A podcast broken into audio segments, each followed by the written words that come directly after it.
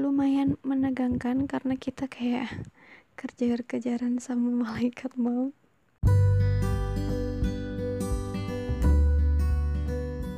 Assalamualaikum warahmatullahi wabarakatuh.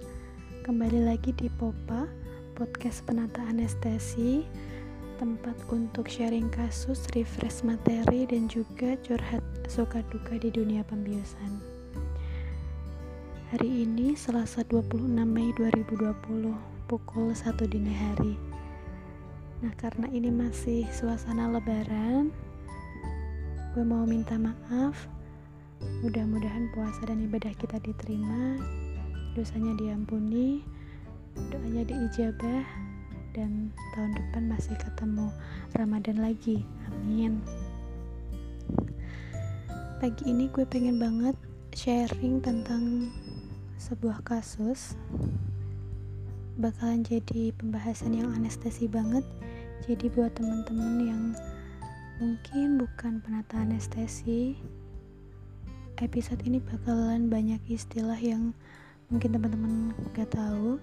Jadi kalau mau di skip episodenya yang kali ini gak apa-apa. Tapi kalau mau dengerin gue bakal seneng banget. Apalagi kalau mau dengerin sampai akhir Oke langsung aja ke kasusnya ya. Pasien dengan diagnosa KET Dia datang dari IGD Itu infusnya masih terpasang satu jalur. Uh, eh, HB awalnya sebenarnya 8 Tapi klinis pasiennya itu Udah pucat Somnolen Terus dipasang tensi tensinya 47 per 25 heart rate nya 160 saturasinya 94 jadi begitu masuk premedikasi langsung pasang monitor pasang oksigen dan kita cari buat apa namanya infus biar dua jalur minimal. Nah karena udah uh, shock hipovolemik ya jadi itu vena udah prolap kita susah banget pasang infusnya ambil di kanan kiri nggak bisa. Tangan kanan nggak bisa kaki nggak bisa. Kanan kiri sampai beberapa orang udah coba. Tunggu dokter anestesi gua teman-teman udah nyobain susah semua. Nah karena yang terpasang baru satu itu jadi kita uh, kejar si tensinya pakai Gilafusal 1 H1 jadi di premedikasi udah masuk dua cairan satu cairan uh, eh, RL di uh, semana di UGD ya pada akhirnya nih dapat satu di tangan sebelahnya. Jadi sebelah kiri udah terpasang sebelumnya yang sebelah kanan nah terpasang. Habis itu dipasang pakai sharing pump Fastcon aduh gue lupa dosisnya berapa tapi itu pakai sharing pump Fastconnya terus karena tensinya udah lumayan 100 per 50 terus saturasinya kita pakai NRM jadi udah 9798 gitu. Heart rate nya udah masih tinggi 160 masih 150 gitu. Jadi masukin ke ruang OK buat uh, operasi ya. Masuk oka di intubasi. Nah tapi induksinya itu nggak pakai propofol karena udah somnolen. Tensinya juga udah turun-turun jadi induksinya pakai ketamin. Nah waktu itu pakai ketaminnya 100 mg fentanilnya 100 mikrogram sama atrakurium 2 mg terus selama operasi nih kita kejar-kejaran sama tensi. Jadi gak pakai agent anestesi pakainya uh, siring pump sama sama ketamin. Terus pakai oksigen murni. Nah intraoperasi tuh infusnya tuh tiba-tiba yang tadi udah barusan dapat itu terus bengkak jadi nggak masuk tuh si cairan. Nah kita cari lagi di kaki nggak nemu. Akhirnya sama dokter anestesi dipakein infusnya di vena jugularis jadi uh, diinfus lewat vena jugularis di leher itu. Udah gitu selama operasi durante operasi alhamdulillahnya operasinya lancar meskipun perdarahannya banyak banget tapi uh, lancar. Durante operasi tensinya 100 per 50 naik turun gitu 90 190 100 heart rate nya masih takikardi 130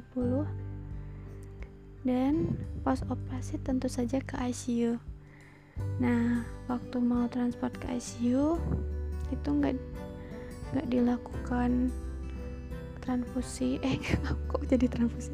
Nggak di, nggak dilakukan ekstubasi. Jadi nafasnya ada nafasnya aja dispontanin pakai prostigmin 3 ampul sama sulfat atropin 2 ampul bolus pelan dalam 10 cc. Uh, karena perdarahan banyak terus darah juga belum masuk ya. Jadinya tadi tadi itu juga masuk fitka sama asam tranexamat nah itu jadi pengalaman yang lumayan menegangkan karena kita kayak kejar-kejaran sama malaikat mau jadi buat teman-teman yang bukan penata anestesi tapi masih dengerin ini kalau tensinya turun turun turun turun terus tensinya hilang bisa uh, apa namanya malaikat maut yang menang. Tapi bukan itu sih kayak bukan kita juga yang megang nyawa seseorang. Cuman kalau kondisinya kayak gini gitu kita diem aja itu bakalan bablas gitu loh bakalan uh, melayang si nyawa. Tapi ya kita sebisa mungkin kejar-kejaran mudah-mudahan si pasien ini masih bisa bertahan oke okay. Alhamdulillah operasi lancar, pasien dibawa ke ICU. Terus kondisinya tensinya 100 per 40 heart rate-nya masih tinggi masih 130 tapi overall udah stabil gitu daripada sebelumnya terus sampai rumah kan gue ini ya apa namanya kayak catat gitu loh. Pengalaman yang jarang bukan jarang sih kayak uh, yang bisa diambil pelajaran gitu gue catat lagi terus gue buka lagi materinya gitu. Ini ada buku bagus banget uh, gue suka banget sama bukunya dari dokter Sudati ini yang judulnya panduan cepat manajemen komplikasi anestesi itu di sini kan kayak ada bagan-bagan gitu. Teman-teman juga pasti udah tahu bukunya ya. Kalau misalkan gak ada bukunya bisa di di download aplikasinya di App Store. Ada komplikasi anestesi. Itu keren banget menurutku. Kalau di sini kan tadi kasusnya hipotensi ya. Kalau dilihat dari uh, materi secara literatur gimana sih kalau misalkan menangani pasien hipotensi kalau sesuai dengan buku? Itu sebenarnya apa yang udah dilakuin sama tim anestesi yang dalam kasus tadi itu udah sesuai sama buku banget? Heran aku sama dokter anestesinya pinter jadi kalau yang di buku ini dituliskan kalau respon awal kan respon awal itu tentu aja aktifin emergency. Yang kedua kayak primary manajemennya pastiin oksigenasi dan ventilasi kuat ada kuat. Jadi kalau yang di kasus tadi begitu pasien masuk ke premed itu kan langsung dipasang NRM langsung pasang monitor segala macam jadi ventilasi dan oksigenasi itu cukup bagus gitu. Bahkan sebelum intubasi si pasien ini juga di uh, apa itu kalau kepalanya di ngadahin ke atas jadi diganjel di bahu belakang itu jadi biar buka jalan nafasnya. Gitu kalau di sini tulisin di lanjutannya pastiin uh, IV lancar dan berikan loading cairan. Turunkan dosis dan matikan agen anestesi. Berikan vasopresor vasopresor ephedrine 5 sampai 50 mg sama epin atau epinephrine 10 sampai 100 mikrogram. Posisikan tungkai ke atas. Nah kalau tidak ada respon tidak bernafas tidak terabal lakukan RJP alhamdulillahnya si pasien ini masih napas masih berdetak juga jantungnya. Jadi kita nggak pakai RJP kalau monitoring uh, atau secara monitor stabil itu dilakukan F, uh, secondary management. Pemeriksaan eh pemeriksaan klinis lengkap, pemeriksaan penunjang sama evaluasi riwayat dan tentukan penyebab. Nah, kalau di sini penyebab hipotensi itu ada empat secara garis besar.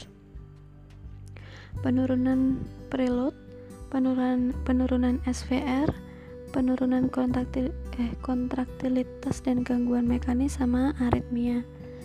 Karena kita diagnosanya KET, jadi kita bahas tentang penurunan preload karena dari KET itu kan terjadi hipovolemi sama hemoragi perdarahan ya jadi itu termasuk ke penurunan preloadnya ini. Nah eh, di sini di bukunya itu tuh juga dijelasin kalau hemoragi atau perdarahan itu bisa masuk uh, di keterangan yang perdarahan masif. Jadi bukunya itu tuh kayak dikasih dikasih bagan-bagan terus kalau misalkan ada kayak ini nih hipotensi terus ada kaitannya sama perdarahan masif. Itu yang di perdarahan masifnya tuh ada halamannya gitu. Kalau mau membaca tentang materi perdarahan masif itu halaman eh atau uh, bab 17 gini. Kita bisa loncat ke uh, bab 17 itu. Kalau dibuka di yang bahas perdarahan masif itu secara definisi perdarahan masif atau perdarahan akut adalah hilangnya darah darah hilangnya darah dalam volume besar secara cepat dapat berupa perdarahan yang terbuka atau yang tersembunyi. Kalau yang di kasus ini tadi kan perdarahan tersembunyi ya di perut KET itu. Jadi prinsip terapinya mengoptimalkan oksigen delivery dan perfusi organ, dan menurunkan konsumsi O2. Jadi sebisa mungkin oksigen deliverynya tuh bagus tanpa uh, konsumsi O2 yang berlebihan gitu loh. Maksud kan? Yang pertama nih, informasikan ke tim bedah. Komunikasikan untuk kontrol perdarahan dengan segera terus pastikan potensi jalan nafas support ventilasi dan oksigen pastikan akses vena adekuat nah kayak berikan cairan kristaloid, keloid atau darah sesuai dengan darah yang hilang. Posisi tanda dan sebenarnya udah dibahas di awal tadi ya. Kayak pemberian vasopresor juga udah. Nah kalau di sini nih kalau tambahannya monitoring suhu, hangatkan pasien, cairan infus uh, setidaknya 40 derajat celcius. Jadi kalau yang di kasus tadi itu si dokter anestesnya itu kasih instruksi kalau cairannya dihangatkan jadi gue pakai baskom isinya air panas terus cairannya infus itu direndam dulu di situ baru baru saat masuk ke pasien posisinya cairan masih hangat. Kenapa hangat? Soalnya suhunya tubuh tuh uh, kayak dipertahankan normotermi setidaknya lebih dari 36 karena kalau misalkan menggigil metabolisnya jadi kacau terus jadi shivering dan itu bakal menyulitkan untuk kita juga. Kan uh, kalau misalkan metabolisnya nggak stabil bakal berdampak sama tensinya juga sama nadinya juga. Ya padahal dari awal kita tensi nadi juga masih kacau belum stabil. Kalau ditambah shivering nanti bisa memperburuk suasana gitu maksudnya. Terus di sini juga disebutin kalau misalkan harus kalau hemodinamiknya tidak stabil aktifkan protokol transfusi masif atau PTM kalau misalkan nggak bisa diambil darahnya karena darahnya udah sangat sedikit itu bisa pakai sampelnya pakai plasma atau FFP terus saat perdarahan belum terkontrol Pemberian cairan berlebih dapat meningkatkan perdarahan, mengganggu faal koagulasi, menyebabkan hipotermi dan asidosis. Jadi pemberian cairan itu juga harus dilihat kalau misalkan kebutuhannya kristaloid udah cukup ya udah kristaloid nggak apa-apa tapi kalau kristaloid kok kayaknya nggak uh, mempan bisa pakai koloid soalnya. Kalau dilihat dari molekulnya molekul kulit kan lebih gede jadi dia bisa lebih bertahan di intravaskular lebih lama. Kalau kristaloid kan nanti ke ekstravaskular ya kan? Terus pada perdarahan yang belum terkontrol lakukan resusitasi cairan target tekanan darah normal 80 sampai 100 berikan asam tranexamat 1 gram dalam 10 menit lanjutkan dengan infus 1 gram dalam 8 jam. Ini bisa dipakai tuh. Nah di kasus ini juga dikasih asam tranexamat 1 gram tapi nggak dikasih yang drip. Di buku ini juga dijelaskan kayak oh, post operasi pasien-pasien dengan perdarahan masif itu yang harus dimonitor ketat tuh apa aja gitu. Shock jadi buat teman-teman yang uh, berada di ICU itu kayak gitu tuh harus kayak di tertanam dalam mindset gitu. Pasien datang dengan post shock hipovolemik gitu misalnya kayak dalam kasus ini. Terus yang operan dari Oka itu udah bilang kalau baru eh tadi di Oka perdarahan segini gitu. Misal perdarahan 1500 sudah masuk cairan 2000 eh, tapi outputnya masih belum ada gitu. Kita udah aware nih dari ICU oh pasien ini habis shock, shock hipovolemik jadi bakalan ada organ-organ yang mungkin uh, apa namanya rusak jadi harus kayak lebih kritis gitu loh. Uh, bagaimana balance cairannya terus hemodinamiknya kesadarannya gitu. Terus yang buat hmm, teman-teman yang anestesi mungkin udah banyak yang pernah ngalamin shock hipovolemik ini juga. Tapi kalau dari gua kayak pengalaman ini tuh ada apa sih namanya pelajaran yang bisa diambil. Kayak HB pre-op 8 itu tidak menjamin karena klinis pasien itu lebih penting gitu. Kalau udah diagnosa KET itu kita harus mindsetnya bayangannya udah shock hipovolemik pasang dua jalur loading monitor balance cairan dihitung. Gitu udah kayak tertanam gitu dalam otak. Gitu terus kalau ternyata beneran shock hipovolemik dan susah pasang infus. Coba deh di infus di vena jugularis karena venanya itu gede jadi kemungkinan untuk bisa masuk itu lebih gede juga. Gitu terus kalau transport pasien ke ICU dengan tanpa ekstubasi itu sebisa mungkin sebelum operasi selesai kayak oksigen transport, bagging, sedakum, sama saturasi portable itu udah siap. Jadi begitu pasien selesai operasi kita juga udah siap transport ke ICU gitu.